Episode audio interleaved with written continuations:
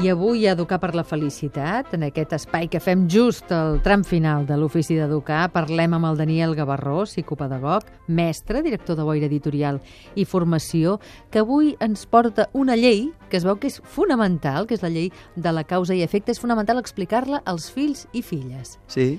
En què consisteix aquesta llei aplicada als nostres fills i filles? Mira, jo crec que és una, és una llei que haurien de saber tots els nens i totes les nenes de ben petits i el que consisteix és que qualsevol cosa, quals, qualsevol cosa que succeeix té una causa prèvia, això ho sabem. I això és així també al món físic. Però a mi m'agradaria anar al món, com que estem parlant de felicitat, al món psicològic, perquè la felicitat es produeix bàsicament a la nostra ment, a la nostra psique.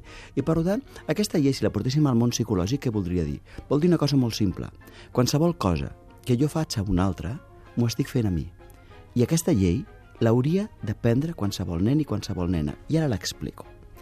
Imagina't que, ella, que el teu fill, la teva filla, té molta ràbia per una nena que està a dos classes més enllà i li té molta de ràbia i la mira amb ràbia i el pati l'està mirant tota la santa estona des de que surt fins que torna a la classe perquè l'està mirant mentre es pensa.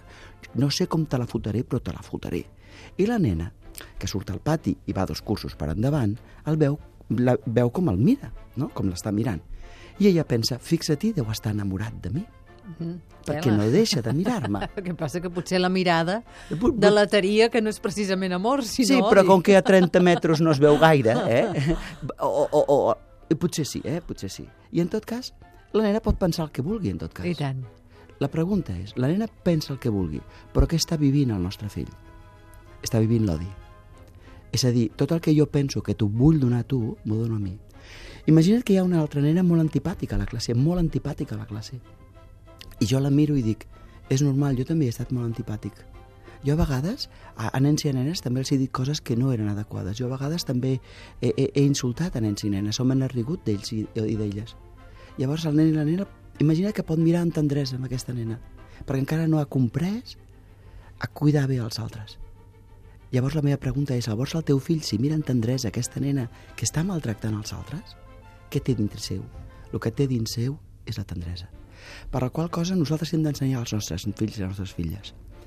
Tal com tu mires als altres, això està dins de la teva ment i és això el que tu viuràs.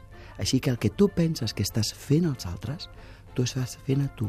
No has de renunciar a maltractar els altres, insultar els altres, a pegar-los només perquè els hi fas mal, sinó perquè la primera persona a la que et fas mal ets tu. Qualsevol cosa que facis a un altre psicològicament t'ho estaràs fent a tu. Quan vulguis ser feliç, cuida des de la tendresa als altres i no importa si els altres no ho entenguin, eh? Perquè tu dintre teu sí que tindràs tendresa. Si això ens hagueren explicat quan anàvem a P3, quan teníem 3 anys, si ho haguérem anat practicant, si quan estic enfadat haguessin dit, para un moment, estàs enfadat per aquesta persona, però què tens dins teu? Uau!